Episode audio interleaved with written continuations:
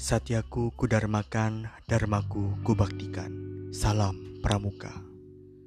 Pernahkah kita berpikir, mengapa aku dan kamu berbeda dalam berbahasa? Pernahkah kita melihat, mengapa aku dan kamu berbeda dalam tradisi dan budaya? Pernahkah kita merasa, mengapa aku berpendapat ini dan kamu berpendapat itu? Pernahkah kita mencoba, apa pun yang engkau lakukan harus sama seperti diriku? Dan ternyata kita tidak bisa karena kita diciptakan oleh Tuhan berbeda-beda.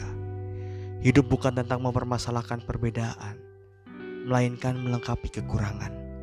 Tak perlu membandingkan diri kita dengan orang lain, karena di dalam perbedaan itulah letaknya sebuah keindahan.